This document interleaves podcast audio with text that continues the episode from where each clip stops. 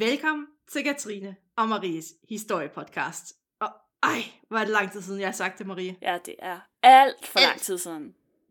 Ej, og jeg er Katrine, hvis I har glemt, hvem vi er. Og med mig har jeg Østdanmarks mest seriøse søstjernesamler, Marie. Åh, oh, som altid en fornøjelig intro. De har dem der, frøken Stemann. ja. Ja, hej. Det er, det er alt for lang tid siden. ja, faktisk. Og endelig er vi sammen igen. Altså, Også det. jeg har slet ikke huske, hvordan du lyder. Nej. Vi, øh, lidt- det føles som en evighed siden, at... Øh, Helt glemt, hvor sprød din stemme er i virkeligheden. det er ikke fordi... Det er jo, jeg, jeg er jo kommet den der alder med, at hvis jeg sådan har været ude sådan sent og har drukket, så om fredagen, så er jeg stadig ret smadret om søndagen. Så det kan være det er derfor, hvis min stemme lyder sådan en lille smule sprød. Men Marie, hvorfor ja. har du været ude at drikke? Hvorfor? Jamen, Ja, altså, vi kan lige så godt Ja. få det af vejen. Hvorfor har du været ude at fulde dig? Jamen, jeg har været ude at fejre jo, at, øh, at jeg havde øh, udstillingsåbning i fredags. Øh, jeg har sammen med nogle kolleger, øh, der har vi lavet en skideflot udstilling, hvis vi selv skal sige det. Det er øh, svært at forklare, øh, men, men øh, det er en, øh, en udstilling, som handler om stenalder. Og, øh. Ja, men ved du hvad, den er så flot. Den er så flot. Og altså, nogen vil jo måske vide, at i den egen, jeg ligesom arbejder, det er jo Lolland Falster og sådan noget, der har vi haft nogle meget store udgravninger nede ved Rødby Havn i forbindelse med tunnel, øh, byggeriet dernede, og der er kommet nogle helt fantastiske fund frem. Og der er jo vanvittige bevaringsforhold, så vi har en masse ting, sådan af træ og knogle og alt muligt, som man aldrig før har fundet. Og det er alt sammen nu udstillet på vores museum i Majbo. Ej. Og så er det, det det en der- fantastisk flot scenografi, og der er lys, og der er lyde, og der er... Og det er Marie, Alt der har lavet alle lydene. Ja, Det. ja det er mig, der giver øh, spætte og krave og sådan noget. Der er faktisk meget få fugle, Marie ikke kan lave bare sådan her. Altså, Præcis. Jamen, det, det er en af mine spidskompetencer. det er derfor, Det er du er ansat på et museum. Ja. Det er din fuglekald. Det er det. Øh, jeg har også haft travlt. Jeg har også lavet udstilling. Ja. Yay. Jeg har lavet fotoudstilling på mit museum. Ja. Så det Også om jo stenalder. Bare, heldigvis ikke. Det er sådan noget lidt mere landbrugsorienteret i, ja, bjerrehavet. Igen, meget niche. Mm-hmm. Men der er der blevet, altså jeg har siddet og hygget med billeder og gjort billeder flotte igen og store og ej, Ja. det har været en oplevelse, så kig forbi Glud Museum. Woohoo. Og, øh, og kig lige forbi Museum Lolland Falster også i Majbo. Stiftmuseet i Majbo. Og se Og nu har vi øh, vist solgt ud nok. Jamen, vi kan lige så godt bare lægge svisken på disken og lave lidt reklame, når vi nu har ligesom... Når vi nu har så flot en sviske. Når vi nu har så flot en sviske. Ja. Ja. Øhm, og nu til noget ganske andet. Øh, nej, vi skal noget ganske andet først. Nå, øh, det er rigtigt. Jamen, det er faktisk... Jamen, det er også noget ganske andet. Ja, det er rigtigt. Det er godt, du minder mig. Men noget det. andet ganske andet. Ja, faktisk en lidt trist nyhed. På en måde. Skal jeg sige det? Ja, det, det forventede jeg lidt. Nå, okay. Nej, det er... Øhm, vi har jo i, i, ret, i ret mange år, der har vi jo haft glæde af en tjeneste, som hedder Tier, øh, hvor at øh, vores kære lyttere har kunnet donere et eller andet beløb, som man nu syntes, øhm, per afsnit. Og det har sådan set fungeret rigtig, rigtig godt, og vi har været ekstremt taknemmelige for de Det bidrag, har været som med er til kommet at ind. skubbe, hvad vi kunne i podcasten, Helt og sikkert. hvilke ting, vi har haft tilgængelige at kunne gøre. Ja, Så det har været en kæmpe hjælp ud i udviklingen. det har det. Men nye regler betyder, at vi skal registreres ved, nu må du lige hjælpe mig, indsamlings... øh, Konkurrencestyrelsen, tror jeg. Konkurrencestyrelsen. Altså, vi skal, nu skal vi ansøge om at få lov til at lave den her indsamling, og vi skal redegøre for alt, og vi skal øh, have en specifik bankkonto, hvor de her penge, de kommer på. Med andre Og ord... det skal så fornyes hvert år. Det koster hvad, 1.500 kroner per Ja. år. Ja, Og det, Så- det er et byråkratisk... Mareridt. I skulle se ja. den ansøgning der, man skal lave, og sådan noget. Selv Marie var lidt øh, omkring Ja, det. fordi jeg, jeg, kan ellers, jeg er ellers øh, en, en god byråkrat, men, men jeg, altså, vi har ligesom, vi har snakket lidt frem og tilbage, og vi har ligesom besluttet os for, at det gider vi ikke. Øhm, så vi, øh, vi nedlægger Tia jo så lukker vores, ned med Tia os. lukker ned med os, og, øhm, og det er selvfølgelig rigtig ærgerligt, men altså tusind tak til jer, som har doneret penge til os. Lige pt. er der ikke andre muligheder, hvis man gerne vil støtte os, men vi har lagt hovederne i blød for at finde på, på noget. Vi arbejder på en merchandise line. Ja, Øh, Marie får nok nogle muleposer. Det har hun snakket om i fire år. ja, Øh, nogle kopper. Et eller andet sindssygt. Vi laver noget og sælger det som de business folk vi er. Upassende krus med mine citater på et eller andet. et eller andet. Vi finder på noget. Øhm, og, øhm, og så, øh, så håber vi, at, øh, at I... En ting, I kan gøre, hvis I gerne vil støtte os, øhm, og det gælder sådan set alle, og det har ikke noget med penge at gøre, det er, at øh, i hvert fald jer, som lytter med via iTunes, gå ind og giv os en god anmeldelse. Øh, gerne fem stjerner. I skal ikke nødvendigvis være 100% ærlige, fordi øh, hvis man får under fem stjerner, så tæller det ikke rigtigt i deres algoritmer. Så giv os fem stjerner, en god anmeldelse, så ryger vi op i, øh, i iTunes algoritmer, og, øhm, og så er der jo flere, som, som ser os, og det, vi vil altid gerne have, have nye lyttere og blive set, så øh, det må I gerne gøre. Og nu til noget helt, helt andet. Nu må vi gå til noget andet. Nu må vi gå til noget andet. Nu skal vi snakke om pirater, Katrine. Arr, Arr. arr. Ja, altså bortset fra, at det ikke er helt arr, piraterne. Det er ikke sådan den klassiske pirat med træben og klap for øjet og en papegøje på skulderen. Billedet af den her klassiske pirat, det opstod jo først i pirateriets guldalder. Det har vi talt om før. Øh, og det var mellem 1650 og 1750. En utrolig kort periode, men det, det er faktisk meget imponerende, synes jeg. Jamen det er jo fordi, at så er det ligesom, altså fordi der Østindsk Handelskompagni er jo styr på pirateriet. Ja, Der var lige sådan et gyldent vindue, hvor at de kunne gå amok. boldre sig. Ja, Og så blev der slået hårdt ned. ja. Men hele det her sørøveri-koncept, det går jo meget, meget længere tilbage. Og formentlig, eller det har der været, lige så lang tid, der har været både, så har der været folk, der ville stjæle fra bådene, Mm. fra andre både.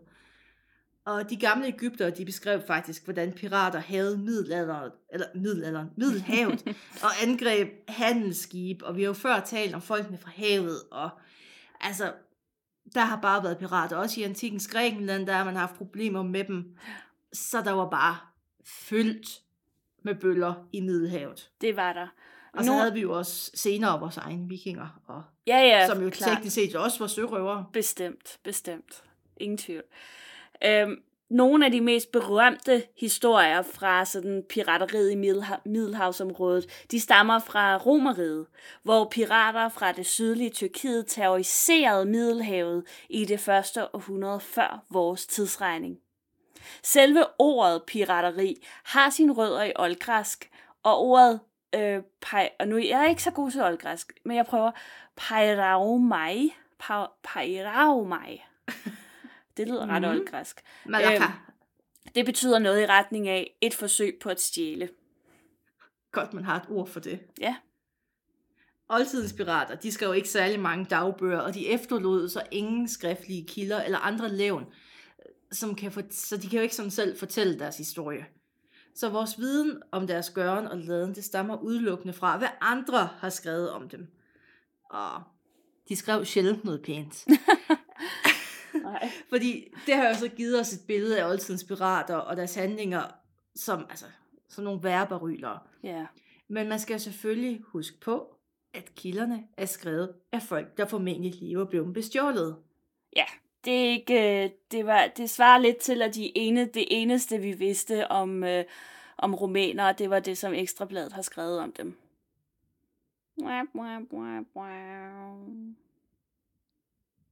Men de er sikkert, der er, det er søde mennesker jo. Det styrer du helt selv, det der. Middelhavet var en øh, livsnerve for landene omkring det.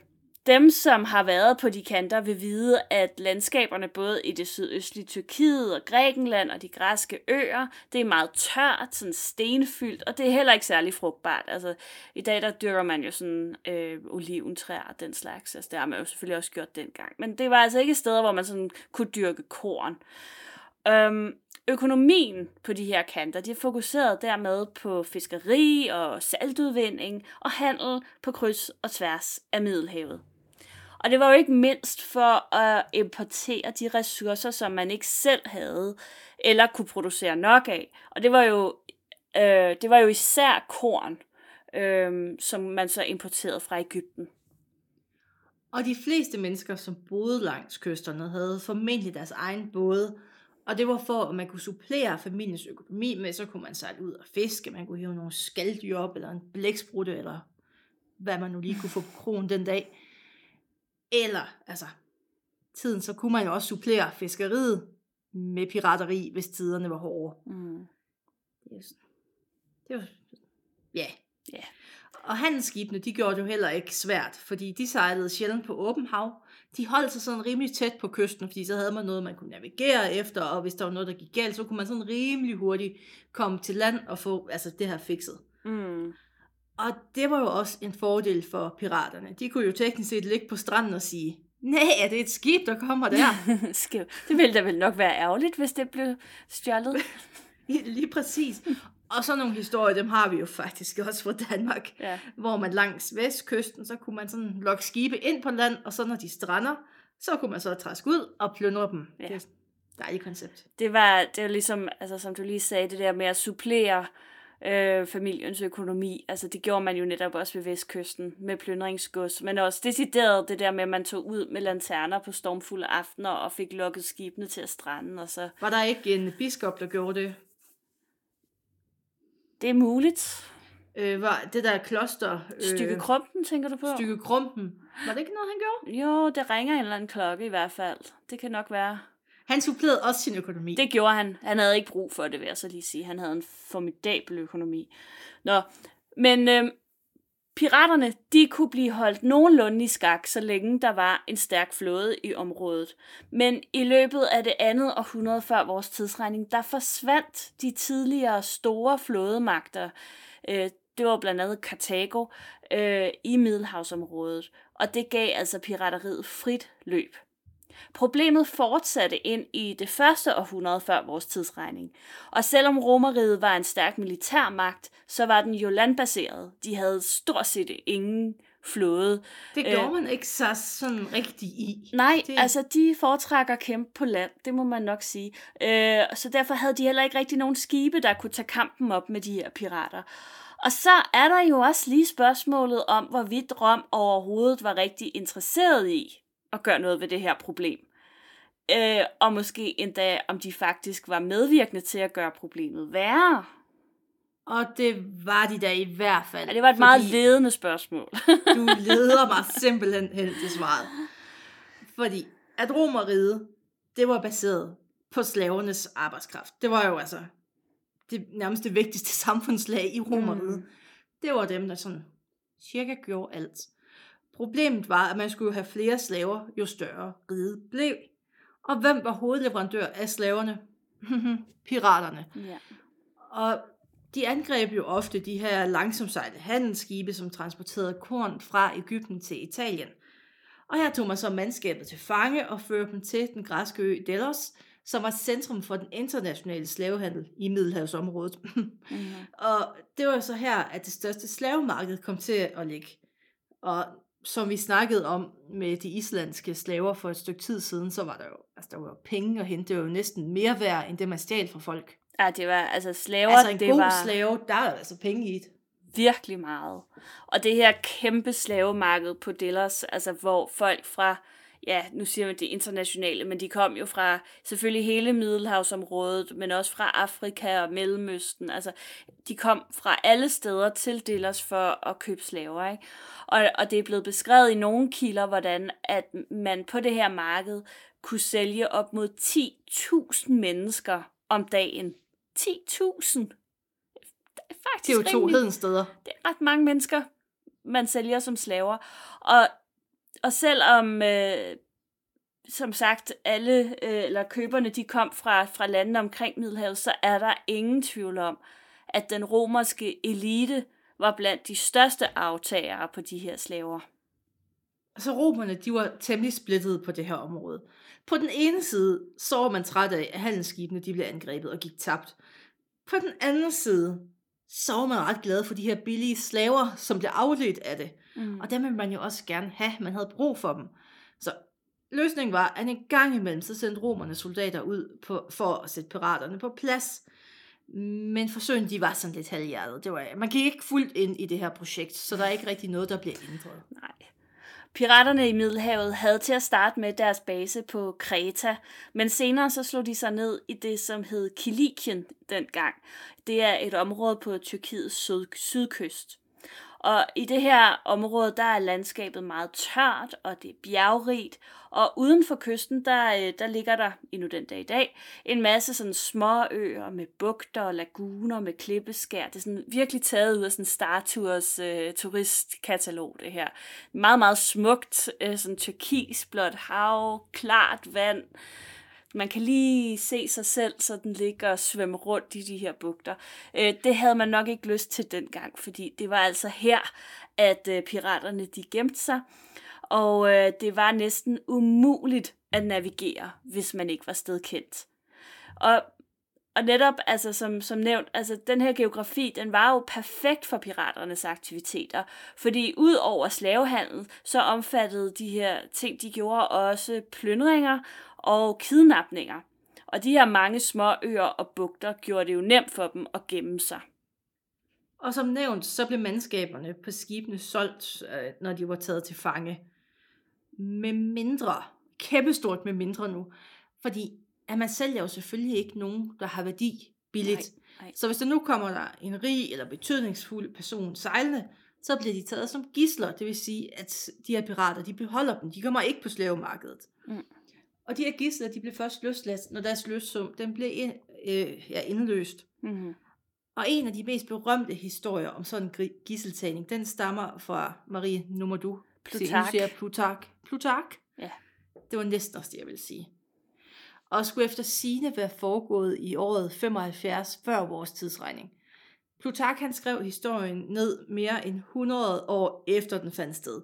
Og så ringer vi lige med historikerklokken og siger, ja.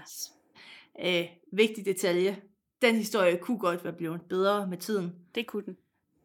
Men der er ingen tvivl om, at kernen i historien, den er sand, men der er andre ting, man sådan lige skal.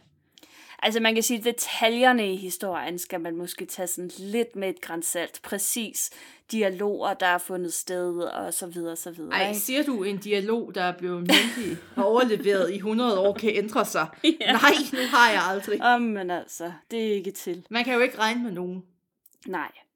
Og nu til denne fantastiske historie. Som sagt, så var det året 75 før vores tidsregning, og piraterne angreb et skib, som var på vej til Rhodos.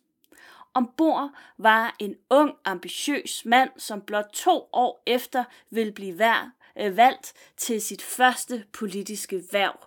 Og hans navn var Gaius Julius Caesar. Dum, dum, dum. Meget kendt mand, må man sige. Og øh, han var altså på vej til Rodos for øh, at studere retorik. Det gjorde man jo dengang. Piraterne de tog den unge mand til fange, og så bragte de ham til øen Famakonisi, som stadig øh, ligger ud for den tyrkiske kyst. Og her fortalte piraterne ham, at han ville blive løsladt, når hans løsesum på 20 talenter sølv, det var mange penge dengang, blev, indbet- eller blev indløst. Og 20 talenter sølv, det svarer sådan ungefær til 3 millioner kroner i nutidspenge. Mm. Det vil jeg ikke engang give til for dig, Marie. Nu ved Tak. du det. Nu er, nu er vi ikke på 10 længere, så kan det ikke lade sig Nej, gøre. det, det er slut nu. Ja, før det måske, Ja. men nu aldrig. Ifølge historien, der slog Cæsar en hånende latter op og svarede, I ved vist ikke, hvem jeg er. Meget entitled i øvrigt. Meget. Sådan, oh, do you know who I am? Det er også virkelig sådan, øh, ham der bliver afvist på natklubben eller sådan noget andet. Don't you know Og- who I am? Og derefter, så forlanger Cæsar, at, hæ- at den her løsesum, den bliver hævet til 50 talenter.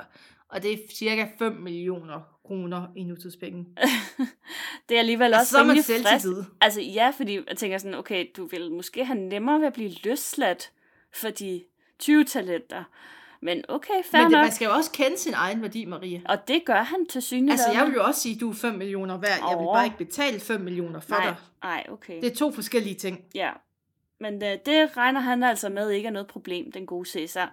Øh, piraterne, de har formentlig set sådan lidt undrende på hinanden, fordi altså, det, det var en lidt Det er underlig meget situation. for- atypisk gissel, Ja, tror jeg. Ja, øhm, og, men altså, de er jo også bare sådan lidt okay, men øh, fint nok. Altså, vi kan da sagtens sætte den til 50 talenter, hvis det er okay med dig så.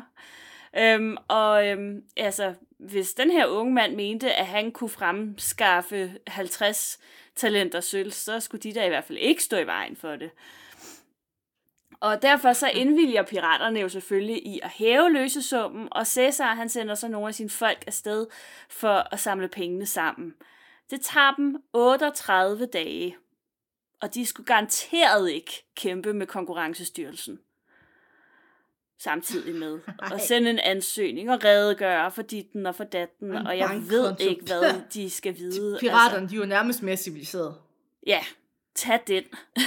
Byråkrati. Nå.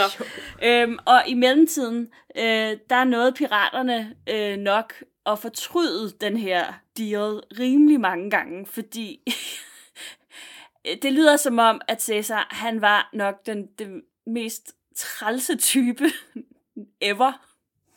Ja, fordi han nægter i hvert fald at opføre sig som en fange. Tværtimod, så behandler han piraterne som undersåtter. Han er ligesom...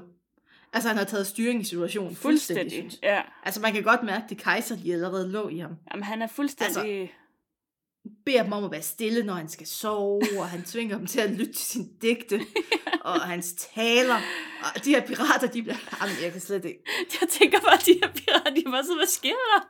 Hvad er det her for Ja. noget? What's the, Og han når jo at skrive flere digte under Ja. ja. den her... Altså, han har jo masser af tid. Ja, ja. Og hvis piraterne de ikke var begejstrede nok, så bliver han sur og svinede dem til. Og hvorfor forstår I ikke min kunst? Og, ja. øh, Og- har du nogensinde læst Folk og røver, eller røver i Kardemommeby? Øh, oh ja, men det er jo mange år siden. Altså, der er jo... Jeg tror, hun hedder Tante Sofie. Det er der i hvert fald en, der Hvor hedder, ja. at øh, de sådan stjæler hende om natten, og så er hun rigtigt. så bøvlet, at de så stjæler hende tilbage senere, fordi hun kan Det er simpelthen rigtigt. ikke overskue at have hende. Det kunne jo faktisk være, at det var det, som var Cæsars plan. Øhm, og som så ikke rigtig lykkedes. At de til sidst ville blive så trætte af ham, at de bare lod ham gå. Men øh, Jamen, jeg kan forestille mig, at han kom ud om morgenen og sagde, jeg har skrevet et langt digt, og så rev han tyst. og så de bare- der pirater, de har bare tænkt, åh, nej. Altså ikke for, altså nu antager jeg ikke noget om piraterne, men jeg Nej. tror, hvis man bliver pirat, så er det sjældent digte, man går mest op i. Ja, Så er jeg ikke offentet nogen, tror jeg. nej, jeg tror heller Og ikke, at det var deres kommer sådan, primære interessefelt. Og så kommer han bare valsende ud. Ja. Og- Roser og røde, Violer er blå. blå, Pirater er dumme. og, og I lige så. og Britannia lige så, ja, og Katago. Og... og Ja. alle de andre. Nå. ja, han var en god digter, ham Cæsar. I løbet af de her 38 dage, hvor de sidder og venter på, at øh, folk kommer tilbage med pengene, der, øh, der bliver han også rimelig utålmodig. Og øh, han gør piraterne opmærksom på, at øh, han er stærkt utilfreds med, at han bliver holdt øh, fanget. Øh, når humøret var aller værst, så troede han da med, at når han blev løsladt, så ville han vende tilbage og få dem alle sammen korsfæstet. og de her pirater, de har bare, altså de var nødt til at finde deres happy place. De har virkelig været tålmodige med Ja, ham. meget tålmodige mennesker, de her pirater. Og måske tog de ham heller ikke helt alvorligt. Mm. Og han var altså måske lidt kuk-kuk. Ja. Men de skulle nok have taget ham alvorligt. Fordi at han kommer selvfølgelig på et tidspunkt til at blive løsladt. Og så samler Cæsar en lille flåde i Miletos, og så gør han alvor af sin trussel. De skulle have lyttet til de her digte. Og han, han tager alle de her pirater til fange, og så snupper han der forresten også lige de der 50 talenter, der var blevet betalt for ham. Smart. Haps. og alle deres egen del, og så sejlede han piraterne til øh, Pergamon, hvor han overgav dem til myndighederne, og nærmere bestemt den romerske guvernør over Asien, øh, Junkus? Junkus? Ja. Junkus? Junkus? Ja. Og over for guvernøren, der kræver Cæsar, at piraterne de altså bliver korsfæstet. Intet mindre. Men Junkos, han virker sådan lidt mere interesseret i at sælge piraterne som slaver. Det er der jo sådan ret gode penge i. Og, og så selvfølgelig beholde pengene selv. Øhm, så Cæsar, han må ligesom gribe til en anden løsning, og øh, han øh, organiserer simpelthen de her henrettelser selv. I hvert fald ifølge historien. Ja, fordi den her historie om Cæsar og piraterne, det er en god historie. Og måske lidt for god. Mm. Fordi da Cæsar han var 25 år gammel, der var han endnu ikke trådt ind i romers politik. Det gør han først to år senere. Hvad lavede du, da du var 27, Maria? Og der bliver sået tvivl om, om han overhovedet vil kunne samle 50 talenter sølv, altså Mm. 5 millioner kroner, Ja. i så ung en alder. Og derudover så virker det også sådan lidt usandsynligt, at han optræder så arrogant over for sine kidnapper. Altså, det, det er voldsomt. Ja. Det var jo trods alt hårdkogte pirater. Det var ikke, altså det var ikke deres første rodeo, det her. Det, det har de prøvet før. Og vil de virkelig acceptere sådan en opførsel, selvom han var så mange penge værd? Altså, jeg kunne godt forestille mig, hvis nogen begyndte at spille sådan op, ja. så kunne de godt lige få en, ja, så var han blevet bundet fast et eller andet sted. Eller sådan. Altså, han gik jo bare frit omkring. Og, og, altså, jeg tænker bare sådan, de her, hvis det er rigtigt, så er det i hvert fald meget, meget tålmodige mennesker. De har været på sådan en konflikthåndteringskursus, og så Ja. det til ham. De har siddet der. Skal De har været på den her konflikttrappe, ja. Og så er de sådan, Jeg Cæsar. føler, at når du siger sådan, Cæsar, så føler jeg... når du At- finder din, digte, din digtsamling frem, så føler jeg ikke, at du accepterer min autoritet som tilfangetager. Nej, Jeg vil gerne have, at du møder mig i øjenhøjde. Du taler meget chakalsprog. ja. ja. Jeg vil, gerne, jeg vil gerne have, at du respekterer min autoritet som, som gisseltager. Jeg vil gerne have, at vi samarbejder, men vi er nødt til at finde et fælles fodslag for den her gissel til fangetager situation. Dynamikken skal være på plads. Vi må have en forventningsafstemning. Ja vi, vi, tager, vi tager et teammøde senere på ugen for at, re- at vurdere, hvordan det har udviklet sig. Ja, en lille status på, på processen. Som sagt, så, øh, så er den her historie nok sand i, i sin kerne. Julius Caesar kan sagtens være blevet taget til fange af piraterne, og guvernøren Junkus' opførsel er også ret realistisk. Det var jo meget sådan, den, den romerske elite agerede, altså at han ikke ville gøre noget ved det. Øhm, og, og han, han er jo lidt blevet sådan fremlagt som netop det her billede på, hvordan Rom ligesom, altså hvor stor Roms entusiasme var for at bekæmpe pirateriet. Der er det jo ligesom Caesar, som sådan ene mand har det her korstog øh, mod piraterne. Og det kan jo godt være, at, at det er Caesars egen propaganda. De skulle have lyttet til de digte. De skulle have lyttet til de digte. Men der skulle faktisk gå mere end 10 år, før, for, før Rom for alvor begyndte at reagere på det her piratproblem. Ja, for i 67 før vores tidsregning, der var pirateriet stadig slemt, men det var ikke værre, end det havde været for 5-10 år eller 20 år siden. Altså, Ja, på det tidspunkt. det var ikke sådan... Ja, på det, det var hverken værre eller bedre. Det var, det var bare sådan konstant. Status quo. Men nu fik den store romerske general Gnaeus Pompeius, Gnaeus, Magnus? Pompeius, Magnus. ja, det var lige det, jeg sagde, pludselig en særlig beføjelse til at fjerne alle pirater fra Middelhavet. Han fik altså ubegrænsede midler og magt i tre år. Det er meget at få. Det er det. Og til gengæld, så skulle han så levere et piratfrit Middelhav bagefter. Og hvad ændrer sig? Hvad er det, der gør, at Rom lige pludselig, altså efter at have været fuldstændig ligeglad, bare kaster midler efter det? Og Verdens noget bedste det. projektstilling. Bare ubegrænsede midler og rens. Middelhavet for pirater. Møs, møs, Cæsar. ja. Indtil nu, der havde piraterne hovedsageligt generet handelsskibe samt de sådan ydre romerske provinser.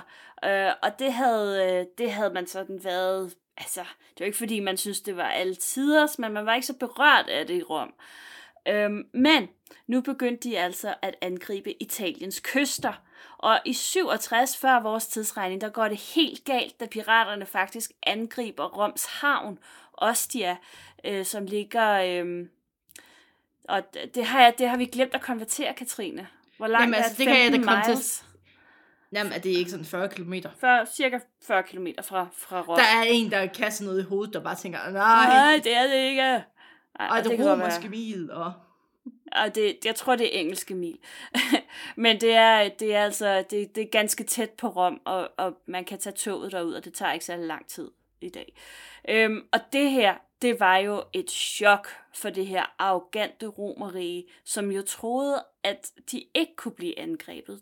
De var jo I hvert fald ikke i deres egen baghave. Ej, det var jo dem, der tog ud og angreb andre. Ej, igen snyder piraterne. Ja, Øh, piraterne, de har været ret friske, synes jeg. Mm. De var sejlet lige ind i havnen, og så har de sat ild til skibene derinde. Bum. Ilden havde så spredt sig hurtigt. Det har vi talt om i andre afsnit. Jeg tror, det var noget øh, bibliotek i Alexandria måske, hvor vi taler om, hvordan sådan en havnebrand jo Ja. lyneshurtigt kan sprede sig. meget hurtigere. Og det er som regel en katastrofe. Og handelsskibe med korn, de kunne jo ikke, altså, det ikke til, og romerne, de begynder at sulte nu. Og det er bare ikke særlig fedt. Altså, der er ingen styre, der kan lide, at deres undersåtter sulter. Og især ikke i Rom, det havde man dårlige erfaringer med. Så sådan en sulten pøbel, nej tak. Da piraterne så begynder at blive en trussel imod den her kornimport til Rom, så er styret nødt til at gøre noget. De er nødt til at gribe ind. Så må man sige, øh, skidt pyt med de billige slaver, vi skal have med. Det er det. Og det er så her, at vores gode general Pompeius, han bliver sendt afsted for at nedkæmpe piraterne. Ja. Og i sin biografi øh, om, jeg kalder ham altså Pompeius, øh, der beskriver Plutark, hvad det er, som den her general er op imod. Og nu kommer der et lille citat. Deres fløjter og strenge instrumenter og drikkegilder larmede langs alle kyster, deres tilfangetagelser af højtstående personer og byer, og deres krav om løsesumme var en skamplet på Roms magt. For ser du, piraternes skibe talte mere end tusind, og de byer, som de havde erobret, 400. Ja, så var, der var lidt at gå i gang med i den her Og projektstilling. de havde fløjter og strenge instrumenter. Det var da nok det værste. Og så tænker jeg, hvorfor kunne de ikke spille til Cæsars digte? Ja, de kunne da lige have sat lidt musik til. Akkompagneret ham. Ja, så kunne man da få noget ud af det. ja, så kunne man da øve sig sammen, men nej, nej. Hmm. Jeg forstår Cæsar mere og mere. Kan godt forstå, at han synes, Nå. de var trælse. Så ligger fløjten lige der, og de vil ikke engang give mig bare et lille huf. Hey. Nå, der bliver gået til hånde i det her projekt nu. Og der bliver angrebet primært de steder i Middelhavsområdet, hvor piraterne holdt til, sjovt nok. Ja. Og Plutark han skriver sådan også om den her strategi. Øhm, han opdelte kysterne i 13 sektioner og knyttede et antal skibe til hver sektion. På den måde var hans hær spredt ud og truede piraterne fra alle sider, så de hurtigt blev fanget og bragt i land. De sværmede, altså piraterne sværmede mod Kilikien som bier om deres bistade, og Pompeius angreb dem med 60 af sine bedste skibe. I løbet af 49 dage havde han indlemmet Kilikien i Romeriet. Woohoo! Whee! Mange døde, men der var også mange, der overgav sig. Og i stedet for at blive henrettet, så blev de benådet og fik ejendom og jord i stedet. Så de kunne leve et ærligt liv. Det var faktisk en form for rehabiliteringsprojekt. Ja, det er det faktisk meget moderne. Der var så bare lige et, et lille arbejderbej. Nemlig at nogle af de her områder, de var oplagte som udgangspunkt for pirateri. Så spørgsmålet var, kunne folk være faldet tilbage i gammel rille efter det her? Ej, se, nu, har du, nu skal du tilbage på dydens smalle sti. Ja. Tag den her ejendom på kanten af kysten. Må ikke være pirat igen. Nej. Møs, møs. Hej hej, få den her fiskerbåd, og du må ikke stjæle fra andre både. Nej, fy skamme. Så godt nok, så bliver piratkolonien i Kilikien ødelagt. Men det betød jo på ingen måde, at pirateriet i Middelhavet stoppede. Nej. Og det kan man faktisk snakke meget mere om, men det tænker jeg, at man kan også gemme det til et andet afsnit. Det kunne vi, især fordi jeg ikke gider tale meget mere. Øh, noget, jeg synes var lidt sjovt, Ja. når vi sådan snakkede om, hvordan det her pirateri, det sådan først bliver udfordret med en, med en målrettet indsats. Mm-hmm. Det var jo egentlig også det, man så i pirateriets guldalder. At det er først, når man virkelig bestemmer sig for en storstilet aktion, hvor man bare rammer dem hårdt, og man rammer dem altså Ja. målrettet. Fordi indtil da, så er det jo bare sådan noget spredt skydning, at englænderne var lidt sure, og så Mm. var der nogle pirater, der blev hængt, men så kom der 20 nye dagen efter. Ja, det er det. Altså, ja, det var først, jamen- da man virkelig gik altså, fuld kolonimagt på dem. Men det er jo ikke, altså et eller andet sted, så, er det, så gælder det jo sådan set stadig. Øhm, Ja, Man kan sige, vi har i Afrika. ja, dernede ved Somalia, ikke? hvor at, at vi har pirater derude jeg kan ikke huske, hvad det hedder, den der Aden-bugten eller sådan noget andet. Øhm, og så længe at det ligesom bare var skibene selv, der ligesom skulle kæmpe mod de her pirater, så, så skete der sgu ikke særlig meget, fordi jamen altså, det, det kan de jo ikke bare sådan en, en mand mod det her system, som det jo i virkeligheden er. Altså det er jo en, det er jo en måde at organisere sit samfund på. Øh, de, de er jo afhængige af pirateriet for at overleve, og derfor øh, så lader de sig jo ikke skræmme af, at der er et enkelt lille skib, der ligesom truer dem med en pistol. Men i det øjeblik, at det internationale samfund gik ind og sagde, nu stopper det her. Altså jeg ved ikke, om det er stoppet, men jeg synes det med det længe siden, vi sidst har hørt om pirater i Somalia. Altså jeg vil sige, at nu spiller jeg jo, øh, det kommer sådan lidt i bølger, men lige nu er jeg sådan inde i en øh, Civilization 5 periode igen. Og, øh, og jeg har altså heller ikke, jeg har no mercy over for de der, det er så jo barbarer, men det er jo teknisk set Altså, det det er jo bare de stjæler jo også folk, altså workers og settlers Øh, og ting og settlers, det er det værste. De er Pisse irriterende. Ja, det er så træls, at de gør det. Og så bliver man jo, altså, ja, også nødt til at have sådan en, en mere sådan koordineret indsats for at komme af med de der øh, Ja, fordi lejre. ellers så flygter og, de også. Vi konkluderer, at vi også kunne kla- tage os af enhver pirattrussel. Ja, fordi vi altså, har spillet ja, Crusaders, Kings og Civilization. Jernnæve vil jo bare smadre ned på det. Og med Ja. de ord, tak fordi I lyttede med.